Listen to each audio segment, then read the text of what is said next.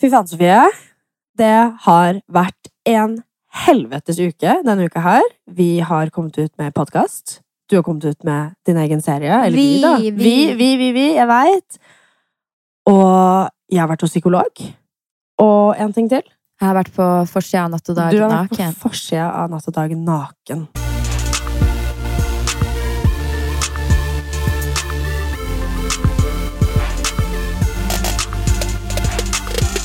Altså, det føles ut som det er minst fem uker siden vi satt og spilte inn forrige podkast. I know! Jeg er helt enig.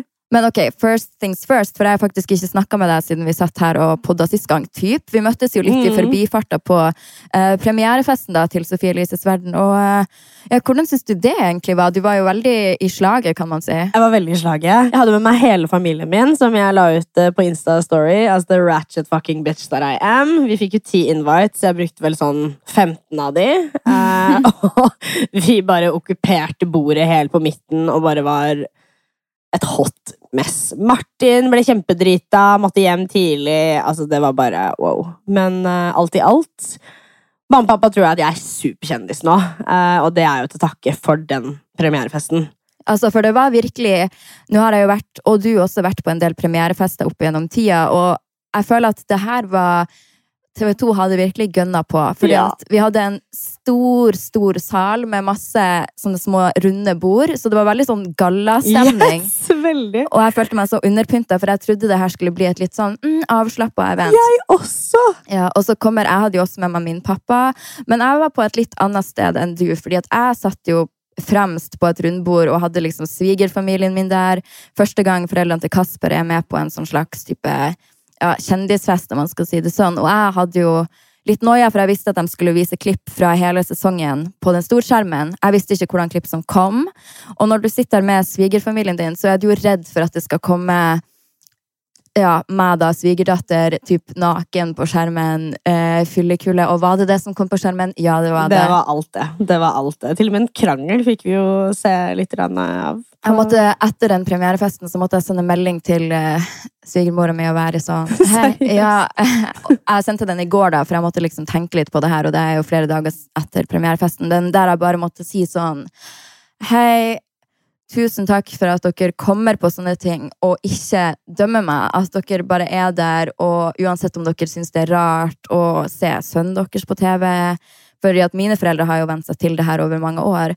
Men de har jo liksom bare blitt kasta inn i det som foreldre med plutselig en sønn på TV, med en kjæreste som er out there, og at de da klarer å være der og liksom heie og være aksepterende og bli med. Og da måtte jeg bare sende melding og være sånn Det er ikke en selvfølge i det hele tatt. For Nei, jeg, det er det faktisk ikke. jeg husker en, eh, en kjæreste jeg hadde da jeg var 16-17, der mora hans bare gjorde det veldig klart for meg, for jeg blogga jo da også, og sånn. Hun gjorde det veldig klart for meg at jeg var ikke en akseptabel svigerdatter å ha, fordi at folk snakka så mye negativt om meg, og hun klarte ikke da som svigermor å stå opp mot den kritikken eh, og ta meg i forsvar. Mens det gjør foreldrene til Kasper, da. Så det gjorde meg veldig rørt, egentlig, og den premierefesten fikk meg til å, til å innse det, da. Ja, altså, ja. Nok en gang, TV2 broke the bank. Det var jo til og med fri bar. They should have never given us a free bar! Altså, vi kom jo inn, og jeg var faktisk første gangen jeg møtte foreldrene til Kasper, ordentlig også, fikk eh, pratet eh, med de. Og de er jo kjempesøte. De er veldig pene. Veldig pene, og det sa jeg også. Jeg var bare sånn, herregud, jeg skjønner jo hvorfor Kasper ser ut som han gjør. Det er jo halv om halv. Jeg vet ikke hvem av dere som er den peneste, men uh, it's y'all, sa han. Ja, det gjorde meg veldig stolt, og det, da kjenner man liksom hvor primitive vi mennesker er, for det bare tikka i den der genetiske banken min, og jeg var sånn, herregud, det her er liksom noen ting jeg må, må videreføre. Om de føler det samme om meg når de ser meg naken på skjermen, og pappa er drita med vikinghjelm borti hjørnet, det vet jeg ikke. om de tenker, men jeg har, jeg si, gifta meg opp, eller hva man skal si. Jeg tror de koste seg veldig. Det var jevnt og trutt et smil om munnen deres. Men alt i alt så følte jeg faktisk at det var på den premierefesten jeg vet ikke om du plukka opp på det her, og det må jeg spørre deg om, men kanskje litt anspent stemning blant oss i, Veldig. ja, blant oss i casten? Veldig.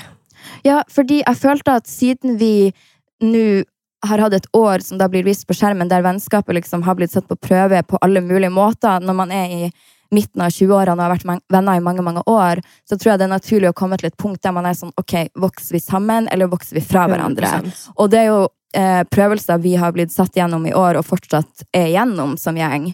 Og nå når vi alle skulle møtes og bare får se det på skjermen, og man er sånn Shit, det her er egentlig faktisk veldig personlig og privat. Det er ikke noe som bare har blitt staged. Det er følelser som fortsatt er i prosess. Så jeg merker at vi alle var litt sånn Litt som om man var sånn bekjente, typ. Ja. At man klarte ikke helt å bare slippe seg løs. Så vi all, alle, vi i serien satt jo på ulike bord. Ja, det gjorde vi faktisk. Det var Ja. ingen som satt sammen. Det må jeg bare spørre om, for i denne sesongen her, så har jo du fått vist sider av deg sjøl som jeg vet ikke om du var forberedt på å vise. Og jeg skal jo ikke røpe så mye, for det kommer på skjermen etter hvert, men Mm. man fikk se det allerede litt i de første episodene som har vært på TV, at du mm, er litt eh, konfliktsky Veldig konfliktsky. i, i en gjeng med folk som ikke er konfliktsky, Ja. og da kanskje har blitt satt veldig på prøvelse, der du har blitt nødt til å kjefte og krangle og klikke. Og jeg vil komme tilbake til det, men hvordan er det å se det på stor skjerm foran familien sin, at du sitter der og åpenbart har det vondt og vanskelig, da? Det var veldig spesielt. Jeg vet ikke helt hvordan jeg skal forklare den følelsen, men det var veldig spesielt. Veldig godt også. På hvordan måte var det godt? Godt fordi at eh, når jeg fikk se det for første gangen, så følte jeg at den situasjonen ble fremstilt akkurat sånn som den var. Så bare det i seg selv er en trygghet at ikke For man tenker jo sånn når man ser Paradise, når man ser Ex on the Beach, det er veldig mye som blir klippet til. Eh, dette her var ikke klippet til på noe annen måte enn som det var. Mm. Eh, men også ubehagelig, fordi jeg er en veldig sterk karakter, og jeg hopper veldig sjeldent ut av karakteren min. Så hvis noen får meg til å hoppe ut av min karakter og oppføre meg på en måte som ikke står til hvordan Står i stil med den du ja, vil være? Ja, står i stil med den jeg vil være med. Ikke bare den jeg er, men den jeg vil være med. Så skaper det veldig mye friksjon hos meg. Fordi jeg er veldig kontrollfrik. det vi har filma, har faktisk vært ekte, og det er vanskelig å forholde seg til. Mm. For man får alt dramaet sitt sånn Jeg kjenner jo når jeg sitter og ser på episodene, at man blir slengt rett tilbake til det, og man husker hva man var sur for, man kanskje får litt åpenbaring underveis, men jeg bare merker at ok, det her har faktisk vært et ekte vanskelig år som vennegjeng, og at man står midt oppi det samtidig som det går på skjermen. Føler du noe på det? Jeg føler veldig på det. Og en av de tingene som går igjen i kommentarfeltene, som jeg leser, som er Åh, gud, det her er så staged. Dette er så skriptet.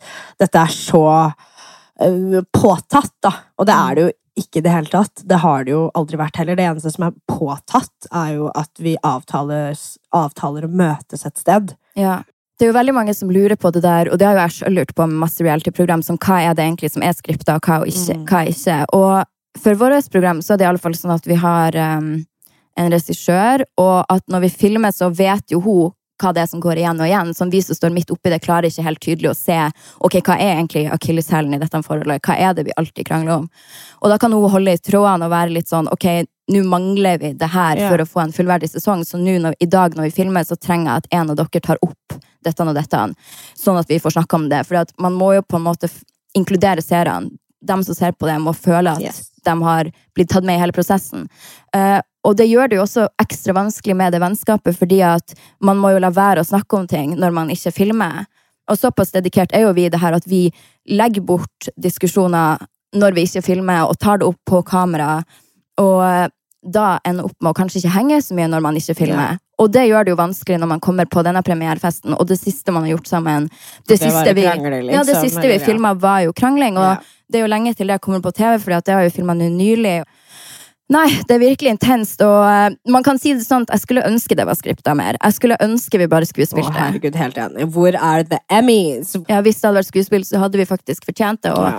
jeg tror ikke folk vet sånn antall ganger vi har vært ferdige å filme og har bare sittet og grått etterpå, som på hver sin kant, og har måttet ringe hverandre og bare hulka i telefonen fordi at det er så mye, og produksjonen har måttet bryte inn og vært sånn Yes. Er det her ok, fordi at det er så intenst. Og en gang så måtte jo faktisk regissøren hoppe inn og være sånn Det her vet jeg ikke om vi kan bruke, blir det her for heavy? Og vi måtte liksom stoppe opptaket i midten og være sånn Ok, nå må vi bare forstå hva det er vi holder på med. Husker du det opptaket? Ja, jeg skulle spørre deg, hvilket, uh, hvilket opptak var det? Det var når vi var hjemme hos deg, og det som er i promoen for serien, Ja, der du ja, sier ja. sånn It's always your show. Ja, du roper, og vi sitter i sofaen, jeg og Joakim med hunden din, og det Ja, den episoden der er nok eh, mye klipp og lim, fordi vi har jo Vi hadde jo ikke sett hverandre på en stund heller. Jeg var jo fraværende i den perioden, så Mm. jeg er veldig spent på å se, egentlig, hva som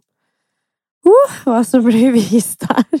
Men det føles på mange måter fint, tror jeg, når vi kommer litt ut av den her perioden også, og bare vite at det vi har laga, er faktisk ekte, og noen ting man kan kjenne seg igjen i på et eller annet nivå, fordi at vi alle har gitt så mye av oss sjøl. Og der må jeg si at jeg er stolt over deg, men også alle de andre som er med. Fordi at for meg så er det litt en selvfølge, for jeg har som sagt gjort det i så mange år. Men for deg er det nytt å bli filma. Jeg kan ikke kreve at du skal levere, at du skal være åpen. Jeg kan ikke kreve det av noen av de andre heller. Jeg må jo bare stole på at dem jeg tar med, bringer de varene, da. Så for meg så gjør jo det meg Kanskje det er derfor jeg klarer å være sånn fredsmegler også, for at jeg på et eller annet nivå ser det som en jobb på et Ja, det er jo liksom. på skuldrene dine også. Altså, går Sofie Elises verden til helvete, så er det jo ikke på en måte meg, Joakim eller Charlotte eller Henrik. Det er jo på dine skuldre det går på. No offense. Nei, men det er 100 Men- sant, og det er jo der jeg må være litt ekstra hard. Mm. Så hvis jeg noen gang er sånn det her, øh, ja, Hvis jeg noen gang virker litt for voksen person da, på opptak, så er det jo fordi at det er min Det er jo jobben din. ja. Men uh, apropos It's Always Your Show, en kommentar som kontinuerlig har gått utover på sosiale medier. Og spesielt på Jodel. Dessverre så er jeg litt jodelrotte. Det er lett å bli. Uh, men der står det at uh, det, er, det er veldig mye Sofie og veldig lite Fetisha. Og veldig lite av de andre. Kan du forklare litt hvorfor det? Bortsett fra at det er ditt. Hvis man skal ta serien først, er det honestly lite av Sofie? Er det ikke veldig mye Joakim, i hvert fall? Um, Enig. Men jeg forstår det skikkelig godt, og det er jo ikke min intensjon i det hele tatt. Men det folk må forstå, det er for eksempel første podkastepisode, så er det jo din første podkast. Yep. Jeg har jo Det er jo ingenting jeg heller vil enn at du skal sitte her og være åpen og dele, fordi hvis ikke hadde jeg jo bare gjort det alene. Jeg hadde ikke orka å dele podkastpengene mine med deg hvis du bare skulle sitte og vært stille og jeg skulle delt og delt. Selvfølgelig vil jeg at du skal åpne deg, og jeg tror helt ærlig ikke at jeg passer for alle. Så da hadde jeg også hatt Sofie Elises verden alene. Jeg vil at de andre som er med, skal dele. Hver gang jeg er i møte med TV 2, så sier jeg alltid sånn Mer av de andre, mindre av meg, få dem til å dele, film deres liv. Og etter hvert i sesongen så blir det jo faktisk en del filminger uten meg i det hele tatt, som jeg er veldig glad for. Og, men det her er jo min jobb, sånn jeg er vant til å sitte her og snakke og dele. Jeg har ingen filter. Jeg tror folk glemmer litt det, at liksom bedriften din er Sofie Elise, hvis du skjønner. At det er å Ja, og så er det jo kanskje ikke Jeg vet jo hva jeg går til, eh, så jeg er jo ikke redd for kamera eller for pod. Men du har jo, med podden, da, så har jo du en innkjøringsfase der du må venne deg til. Jeg forstår at folk tenker som de gjør. Det er en reell tilbakemelding å komme med, for det er jo sånn det faktisk er. Men det er ikke mitt ønske, kan man si. Og det er jo jeg veldig åpen om med dere også, at jeg vil ikke at det skal virke som at jeg bare trenger dere for å løfte meg sjøl opp. Um, da hadde jeg heller gjort det alene. Sant? Deilig. Da har vi fått oppklart i det. Ukas annonsør er loco.no. Den finnes også i fysiske butikker. Halleluja. Altså, det er en norsk kosmetikkjede som gir deg opptil 60% lavere pris enn konkurrentene. Og det er jo faktisk helt sant, og det vet jo du. Yes. De har faktisk en butikk midt i Oslo. Eh, Jeg som er frisør, elsker dette her tilbudet. De har jo alt av klips, eh, luspenner, spray. Alt jeg trenger on the go. Altså, Jeg var med venninna i går, og vi sto liksom og sammenligna produkter og hva vi bruker til vanlig. Og jeg var sånn til henne hallo, du må begynne å handle på Loco, du som er student. Hvorfor gjør du ikke bare det? Og hun var sånn herregud, jeg visste ikke at det fantes engang. Jeg bare jo, jo. Så de har altså fysiske butikker der du kan gå inn og ta og føle på produktene. Men de finnes også på nett. Yes. Om du foretrekker å handle på nett, så kan du bruke rabattkoden status20. Den gir deg 20% på det utrolige utvalget de har. Happy shopping! Fra deg selv til deg selv. Forsiden av Natt og Dag pryder du ikke bare din vakre personlighet, men dine vakre tits. Mm. Utdyp. Ut, jeg tror du sa utpupp. Og utdyp, jeg mener det fordi Hvorfor? Um, ja, hvorfor? Jeg fikk en eh, melding på innboks for to uker siden bare, av sjefsredaktør i Natt og Dag. Mail eller Insta? Facebook. Okay. Så det virka jo som et veldig sånn sketchy og uproft Ja. opplegg. Jeg kjenner jo ikke henne på privaten, så jeg tenkte hva er det her for noe? Og hun skrev bare sånn Hei, jeg lurte på Natt og Dag har 30-årsjubileum, og jeg lurte på om du hadde lyst til å være med på et bilde inni bladet. Og så tenkte jeg bilde inni bladet? Mm, nei. Og så jeg skrev nei. Nei, nei, nei, jeg vil ikke være på Nei, nei, nei. Ok. Ja. Ja, så jeg skrev bilde inni bladet, no thanks, men jeg vil gjerne være på forsida og uten noen ting på meg. Ok, Eh, Så det var du som kom med forslaget selv? jeg kom med forslaget selv uten å tenke meg om. Det var en Nei. sånn impulstanke jeg fikk. Okay. Bare fordi at da satt jeg i den der Hadde liksom enda ikke vist kroppen min til kjæresten min, Nei. var ikke helt komfortabel med å se på puppene mine sjøl, så tenkte jeg at hvis jeg skal bli komfortabel og eie det her på et vis, så må jeg gjøre Det her er min måte å være på, da. Ja, ja, ja. Men da må jeg gjøre et eller annet med et bang og bare hoppe i usikkerheten min og gjøre det drøyeste og verste man kan gjøre, og det er jo å være naken på natt og dag, for da det ikke engang sexy, da er det bare Ja, out det jo, there. ja, det er grunge. Ja, og hun, sa til meg i ettertid at når hun hadde fått den meldinga fra meg som skrev at jeg ville være naken på forsida der, så hadde hun liksom sittet i en setting der man ikke kan rope ut, men hun hadde bare hylt og vært sånn Yes! Yes! Og da hadde vi veldig dårlig tid, for magasinet skulle i trykken kjempekjapt. Og vi hadde bare et par dager på å planlegge det her, og det er kort tid, og jeg hadde ikke tid til å ordne noe makeup. Du måtte ta en gammel parykk fra ei skuff hjemme hos deg og vaske den, sånn at vi kunne få litt den der 60s-look. Men det som er veldig kult med den Natt og Dag-forsida, er at den faktisk er en kopi av en tidligere Natt og Dag-forside. Fordi for jeg vet ikke om det er ti eller Triana, Ja. Jo. jo, det er for 10 eller 15 år siden så var Triana på forsiden av Natt og Dag eh, toppløs med svære silikonpupper. Og eh, det var et fullt rabalder rundt det, for Triana ville ikke at de bildene skulle komme ut usensurert. De kom ut usensurert. Hun ville ikke det? Nei, så det var veldig Natt og Dag-stil. De printa dem uansett, og nå finner man ingen versjoner av det bildet som ikke er sensurert lenger. Så på forsida så poserer jeg på akkurat samme måte som Triana. Jeg har på meg den samme type truser som hun, toppløs, men bare uten silikon. Men jeg var veldig sånn Jeg bryr meg ikke, og jeg husker at Men jeg brydde meg jo veldig. Sånn, for det første, når vi kom på den shooten, så var det første gangen jeg kom på en shoot uten å ha med meg noen som enten gjør hår eller sminke, så jeg var veldig i en sårbar Diana var ikke der. Nei, jeg, vi rakk ikke å stille alt i stand. Mm. Så jeg kommer dit på den shooten. Vi har egentlig ikke kartlagt helt hva vi skal gjøre, bortsett fra den forsida. De har med seg en død fisk. Og, eh, jeg, og jeg bare tenkte sånn, herregud, jeg vil egentlig ikke posere med den døde fisken her, men ja, ja, for du er liksom i en sånn psykosetilstand, for du gruer deg så mye til å ta de bildene. I'll take the fish. Ja, og så var jeg bare sånn, ja, det går bra, men jeg håper noen av dere skal spise den etterpå. Også. for jeg ville ikke at den bare skulle gå til waste. Og så sto vi der, og alle venta liksom på De var tre jenter da, som var der. Fotograf, en assistent og sjefsredaktøren. Og så venta de liksom på at jeg skulle kle av meg, da, og jeg tenkte bare sånn, ja, det er nå eller aldri, typ. Og jeg kledde av meg, sto der med puppene mine, og de liksom reagerte ikke. Det var ingen sånn stort ståhei rundt at jeg kledde av meg.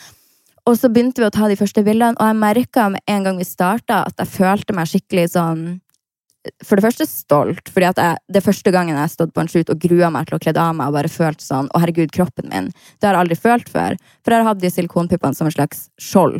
Og nå når jeg ikke følte det sånn, med bandasje og små pupper som henger litt, og fortsatt en veldig fin kropp, eh, men jeg var usikker. Og så begynte vi å ta bildene, og da bare merka jeg at ok, det går bra. Jeg føler meg jævlig bra.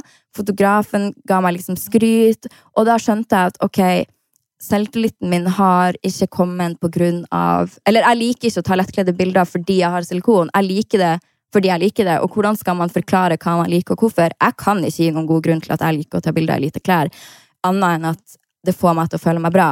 Og jeg var veldig glad for den shooten så snart bildene kom ut. Men når vi var ferdige å ta bildene, så var jeg litt sånn Å, gud. eh, jeg er fornøyd, men var det her kanskje litt for mye? Er det litt Ja, vulgært? For det må jeg også spørre deg om en ting, at du tar det valget selv, men hadde du egentlig sagt noen ting til Kasper? Var det her et valg du tok ene og alene, eller sånn Um, jeg tok det valget ene og alene om at jeg ville være på forsida Natt og Dag i lite klær, og jeg sa det vel til Kasper også, at jeg skal være på forsida Natt og Dag med Ja. de nye puppene mine, men jeg tror med de nye puppene mine kan være litt åpen for tolking, for det kan jo også være de nye puppene mine med BH, med singlet, med hettegenser.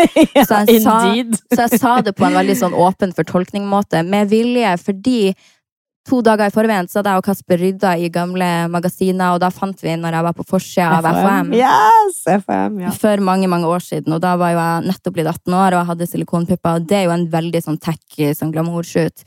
Veldig glad for at jeg gjorde den, men det er jo ikke noe jeg ville gjort i dag.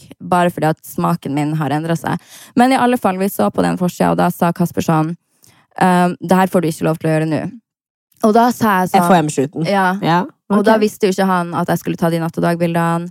Men likevel så dro du jo og tok disse bildene. Ja, eh, fordi at greia var at når Kasper sa og så på FM-forsida og var sånn Det her får du ikke lov til å gjøre nå. Sånn, det var greit at du gjorde det da, men nå hadde du ikke fått lov til å gjøre det. Og da så jeg på han og var bare sånn Ok, det hadde jeg virkelig ikke trodd om deg. At du skulle fortelle meg hva jeg får lov til å gjøre og ikke får lov til å gjøre.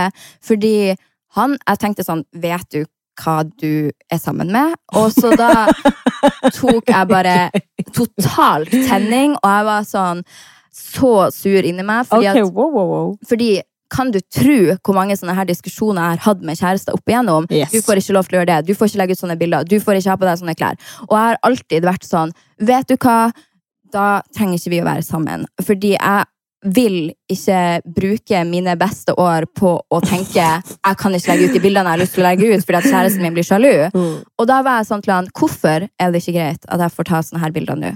Så var han sånn, nei, du må tenke på hva det er du, slags signal du sender ut. Og så var jeg sånn, og hvordan signal er det jeg sender ut? Og da var jeg litt sånn, vil ikke du, Kasper, siden han er spirituell og alt det der, vil ikke du at hvis du plutselig sier til meg nå har jeg lyst til å dra et år til India og bare være stille, at jeg skal si gjør det, så var han sånn jo, det har jeg lyst til. Og da var jeg sånn, da må du, når jeg sier jeg vil være naken på en forside, si så kult. Du at her er må- umulig å krangle med. Nei, men fordi at her må man møte hverandre på forskjellene sine. Ja, jeg er helt enig, men jeg bare sier at det er jo et kjempegodt argument. Jeg skjønner jo 100% hva du mener. Jeg vil jo ikke at han skal dra til India og være stille et år. hvis det kommer opp. Men han skal få lov til det hvis jeg også får lov til å gjøre de tingene som Ja. gjør meg glad. Og er det her noe som skader forholdet vårt? Jeg syns ikke det. Men hvorfor er det så viktig å kle av deg? Det her er et veldig vanskelig spørsmål å svare på, fordi at jeg vil ikke lage det her til en øh, større greie enn det er. Jeg vil ikke late som at det er en politisk grunn bak det, eller at det er noe jeg gjør for Takk. å vise kvinner et eller annet. Takk. Jeg oppriktig bare liker å gjøre det. Jeg vet Ja. ikke om jeg kan forklare det på en bedre måte, og jeg får også et kick når folk sier til meg kan ikke du prøve å bli tatt seriøst med klærne på? Og det er sånn, kjære deg, prøv å bli tatt seriøst med klærne av. Det er hundre ganger verre. Men jeg kan bevise at det faktisk går an. Så så langt det kan strekke seg til et feministisk eller politisk standpunkt, that's it. Men over det så syns jeg bare at det er en hyggelig ting å gjøre. Er det sånn at jeg kommer til å spille en porno? Nei. Er det sånn at jeg kommer til å ligge og uh, gjøre seksuelle blowjob poses med en agurk i en fitta på en fotoshoot? Nei. Men jeg kommer til å ha lyst til å ta kule, empowering, lettkledde bilder for natt og dag. Og for deg selv, og ikke for andre. Det er jo ikke sånn at du på en måte prøver å løfte det samfunnet opp med puppene dine. Liksom. Det er jo mer for deg selv du tenker da.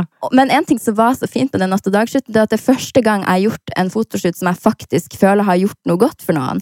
Eh, på den måten at jeg fikk tilbakemeldinger fra jenter som eksempel sa jeg har alltid hata at jeg har veldig små pupper, eller at jeg har hengepupper, eller at jeg ja, et eller annet. Og nå når jeg ser den kroppen der, og du bare eier det så jævlig, så får jeg god selvtillit. Og det trodde jeg kanskje skulle føles som en sånn fornærmelse. At det var sånn, å gud, som du tenker ja. at kroppen min ikke er bra, og jeg poserer likevel. Men jeg på ekte ble bare skikkelig glad. Og var sånn, herregud, for en fin følelse å kunne ha gitt det til noen.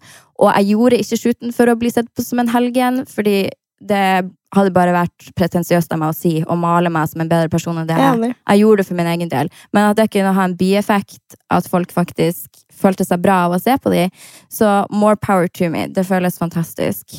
Pent sagt. Jeg vil si at den siste uka har føltes som en liten livstid, eh, livstid fordi Mm. at det har skjedd så mye, og jeg er jo stolt over meg for natt og dag slutten og har gått litt ut av min egen komfortsone, men det har du også, og jeg må bare si at jeg har jo mast på deg i to år om å dra til psykolog fordi man Ja. får det gratis av TV 2 når man er med på TV, så grip den muligheten. Men du har ikke gjort det før nå. Nei. I dag var du hos psykolog dag, første gang. I dag, faktisk. I dag. Klokken tolv tolv var jeg der. Fortell meg hvordan det var. Var du nervøs? Dritnervøs var jeg. Um, dritnervøs fordi at uh, Ikke bare på en måte skal jeg snakke om meg selv, men uh, nå skal jeg snakke om meg selv til noen som har utdannelse. Mm. Eh, jeg er jo menneskekjenner og veit sånn cirka hvordan vi mennesker fungerer uten utdannelse. Så for noen med det Sette seg på samme rom som meg og bare Analysere det, analysere meg. Veldig spesielt. Eh, Men jeg må si at eh, det var ikke sånn det var i det hele tatt. Jeg følte at vi hadde en veldig god kjemi, jeg og psykologen min. Ok, Så bra. For å få en god psykolog er like vanskelig som å få en god kjæreste. Det, ja, og frisør. Altså sånn, det Helt enig. Jeg følte vi hadde veldig, veldig god kjemi, og jeg fant meg selv øh, i å bare tømme ut. Ja, Bra. Det er jo det Ja. som er målet, og jeg har opplevd å gå til psykolog sjøl og ikke tørre å åpne meg for Ja. kjemien er ikke der. Men hvorfor valgte du å gå til psykolog nå og ikke før? Fordi jeg har i ganske lang tid gått og båret på mye på skuldrene mine eh, om meg selv, om mennesker rundt meg, om eh, relasjoner og Ja, fy faen, ass. Nå Shit, vi har faktisk ikke snakket om det her siden Ja. Og begynne å gå til psykolog er jo veldig vanskelig fordi at man begynner å pirke borti ting som man kanskje til en viss grad har klart å leve med og bare ha i en ryggsekk som blir tyngre og tyngre, og man fungerer dårligere og dårligere, men du har på en måte kontroll, for du klarer fortsatt å bære. Men med en gang du åpner den, og alt, du må takle ting ja, Hvis man har en psykolog man har god kjemi med, da, så kan det bli som å ta en trip down memory lane Ja. som kan være veldig uhyggelig å være på. For jeg tenker at en ting som overrasker meg med deg, er at du er Jeg føler at hvis folk får et førsteinntrykk av deg, så er det at du er veldig selvsikker og sosialt trygg. Er trygg på deg sjøl. Og det er jo også hardt å bære hvis man på mange måter ikke er det, hvis du skjønner, og Mm. alltid hatt en rolle. Så når du sier at du hater å gå ut av karakter, så hater jo du å vise deg sårbar. Ja, uten tvil. Um, sårbarhet i min oppvekst har ikke vært et alternativ. Eh, Jeg vokste opp veldig tidlig, og Ja, fortell om det. Fortell om oppveksten din, for at du er jo Du har jo ikke alltid bodd i Norge. nei. Eh, Jeg bodde i Florida og Miami til jeg var seks-syv år. Eh, Og så kom jeg til eh, Norge. Fra Miami til eh, Moss. Fra Moss til Fredrikstad. Og bodde der eh, store deler av livet mitt. Eh, Men eh, i de første årene mine i USA så levde jeg et veldig skjerma liv. Et veldig isolert liv. Eh, Ikke bare fordi at vi på en måte ikke hadde så mye venner, og sånn, men fordi at eh, mamma hadde jo tre jobber. Ja. Eh, Så vi så ikke så veldig mye til henne, og heller ikke noen rundt oss, fordi at alle er bare on their grind, hvis du skjønner. Så jeg og lillesøsteren min kunne jo oppleve å våkne opp midt på natten når mamma ikke var der. Mm. Eh, og det blir man veldig fort voksen av. Du er jo alltid sånn når man snakker om USA, og jeg tror at vi nordmenn romantiserer USA veldig. At Ja. man ser på det fordi at man har sett USA på film. Så man Mm. tenker på det som et slags drømmeland. Men du har jo en veldig annen opplevelse av USA, for du vokste opp i Miami sin eh, getto, da, Ja. hvis man kan si det sånn. Jeg, jeg kommer aldri til å flytte tilbake igjen. Uh, hvis jeg Eneste grunnen til at jeg på en måte ikke har fått det norske passet, er fordi at da må, må jeg gi fra meg det amerikanske, og det er det siste lille jeg har igjen av min identitet. Men uh, hadde det If shit really hits the fan, I'm never going back. Det er ikke sjans. Ja, for hvordan var det det nabolaget dere, du vokste opp i, da? helt jævlig, egentlig. Um, mye skuddvekslinger, naboene ble rana. Hvis vi hadde vært og shoppa, så kunne vi aldri ta inn varene våre på dagtid. Fordi hvor jeg er ifra, så er det ingen som har jobb, så everybody see what you be doing. Uh, så vi måtte alltid ta inn varene våre på kvelden, hvor ingen så det, for ikke på en måte bli risikert å bli rana når Altså dagen etterpå. Men hvordan hadde det seg at du flytta til eh, Norge, da?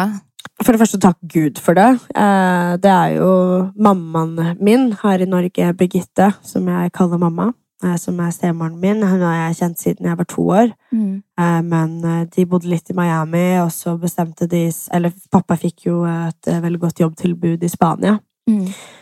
Dro dit, kom tilbake igjen. Birgitte bodde jo i Miami med oss, og tror jeg fikk Miami opp i halsen, egentlig. Så faren din møtte norske Birgitte, som nå er din mamma, på jobb i Spania. Yes. Og så flytta hun med dere til Miami først. Og så dro dere alle sammen, du, faren din og Birgitte. Ja, uh, Birgitte og pappa dro til Norge først, og så kom jeg året etterpå. Mm. Uh, og det var jo fordi at min biologiske mamma ikke kunne ta vare på meg noe mer. Uh, hun fikk meg jo veldig tidlig. Hun fikk meg jo allerede når hun var 19, tror jeg. Det er jo ganske tidlig. I hvert fall hvis du er i et land Og det må man jo også være så takknemlig for Norge for, men de har jo ingen hjelp der. Oh sånn no, sosial støtte når du får et barn og ung, ung, og du bor i et fattig område i USA. Du er ikke hvit, så du har ikke de samme forutsetningene. Og det er også veldig interessant det der, fordi eh, ja, man får jo ikke noe hjelp. Eh, man får jo, og når man ikke får noe hjelp, så har man heller ikke noe kunnskap. Eh, så én ting, da, eh, var jo Jeg hadde aldri spist agurk. Jeg hadde kun spist suragurk. Eh, og ketsjup for meg var en grønnsak. Ja. Så vi spiste jo bare på Mækkern. Taco Bell, Wendy's. Det var jo min Det var jo det vi hadde råd til Mm. også. Så jeg var jo hadde, fikk jo helt eksistensiell angst når jeg skjønte at eh, agurk det liksom Suragurken kommer fra agurk, Mm. blant annet. Det må være vanskelig når du er seks år da, å flytte fra mammaen din i USA, som du kanskje vet ikke har det eh, så veldig bra. Sånn, hvordan føltes det for en seksåring? Klarte du å reflektere rundt det, eller er det en skyldfølelse du har båret med deg nå i litt eldre tid? Jeg var nok Det var et litt vanskelig spørsmål. Jeg husker ikke så veldig godt, for å være helt ærlig, men jeg husker at jeg var veldig takknemlig Mm. og glad, fordi vi var jo vant med å bo fem Vi bodde jo fem stykk på 20 kvadrat. Mm. Mens jeg kom til Norge, og så fikk jeg liksom hele ti kvadrat for meg selv. Jeg fikk et soverom. Så jeg husker det syns jeg var veldig, veldig fint. Eh, språket var jo en språkbarriere, så det var jo litt sånn vanskelig å på en måte komme seg inn. Men skyldfølelsen har vel egentlig kommet nå i eldre alder, Mm. tror jeg. Ja, fordi at mammaen din er fortsatt i USA. Ja, og at jeg har en lillesøster som på en måte ikke fikk noe av det jeg fikk. Som bor i USA. Eller nå er jo hun faktisk her. Ja, hun er jo på besøk eh, hos meg nå i Norge.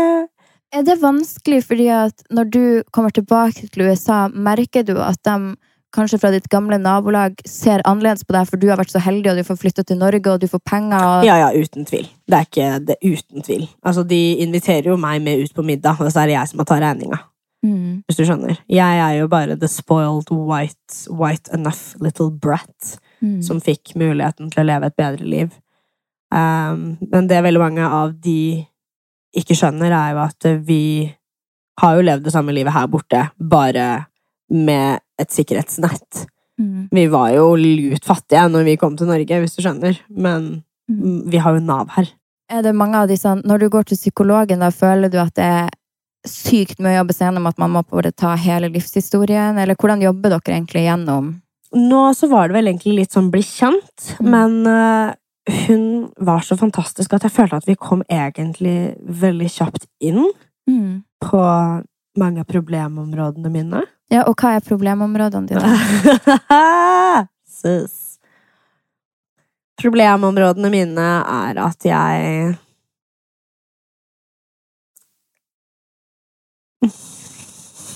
Hva begynner du å gråte? Ja. At jeg Sorry. Mm. At jeg ikke skal... Åh, Sorry. jeg bare- Det går bra. Mm. Problemområdene mine er at jeg bare er for sterk hele tiden. Og jeg ikke tar meg muligheten til å syns synd på meg selv. Eller ikke det heller, men bare Jeg bare skal være så jævla sterk hele tiden. Mm. Og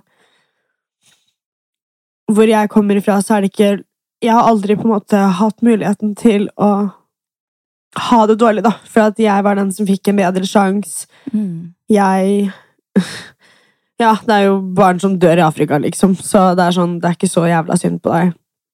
Og at jeg er sykt konfliktsky på veldig mange områder fordi Jeg vet da faen. Mm. Jeg vet da faen. Det er jo det man må finne ut av. Det er, jo, ja, det er jo det man må finne ut av, men uh... Men jeg i alle fall altså, det her er jo en work in progress. Man kan gå til psykolog lenge og aldri komme noen vei. Jeg syns Mm. det er veldig fint at du har vært der og bare At du i det hele tatt vet hva som er ditt problem, er en så lang vei å gå. For det er jo mange som bare er på en viss måte, og så vet de ikke hvorfor. Du vet jo at grunnen til at du ikke klarer å eksempel være svak eller be om hjelp, er fordi at du aldri har hatt muligheten til det. Og bare det er en lang vei du har kommet liksom en lang vei allerede. Og jeg er super, super stolt over at du går dit til psykologen. Sjæl, egentlig. Jeg trodde ikke jeg kom dit. Jeg har jo unngått det i sånn to år. Det er jo klart at det er jo mye mer enn at jeg bare er konfliktsky, liksom, men det kan vi kanskje ta en annen gang. Men Mm. um, ja. Faen, ass. Det er noe annet når du sitter der, og du har noen som på en måte har utdannelse i det, kontra å snakke om det med venner, for man blir litt sånn Altså, ja, det er så nødvendig å gå til psykolog. Jeg synes at alle burde gjøre det en, gang i løpet av livet, eller en periode i løpet av livet sitt. Mm. Eh, Det er jo som å gå til en lege, og det er så klisjé å si, for alle sier det, men I know, right? du får verktøy da for å håndtere situasjonen, og jeg tror at du også kommer til å føle på det når du har gått der en stund. Ja. Men du skal fortsette å gå, eller? Å, herregud, kødder du? Vi har satt opp ny time. Det blir kjempegøy.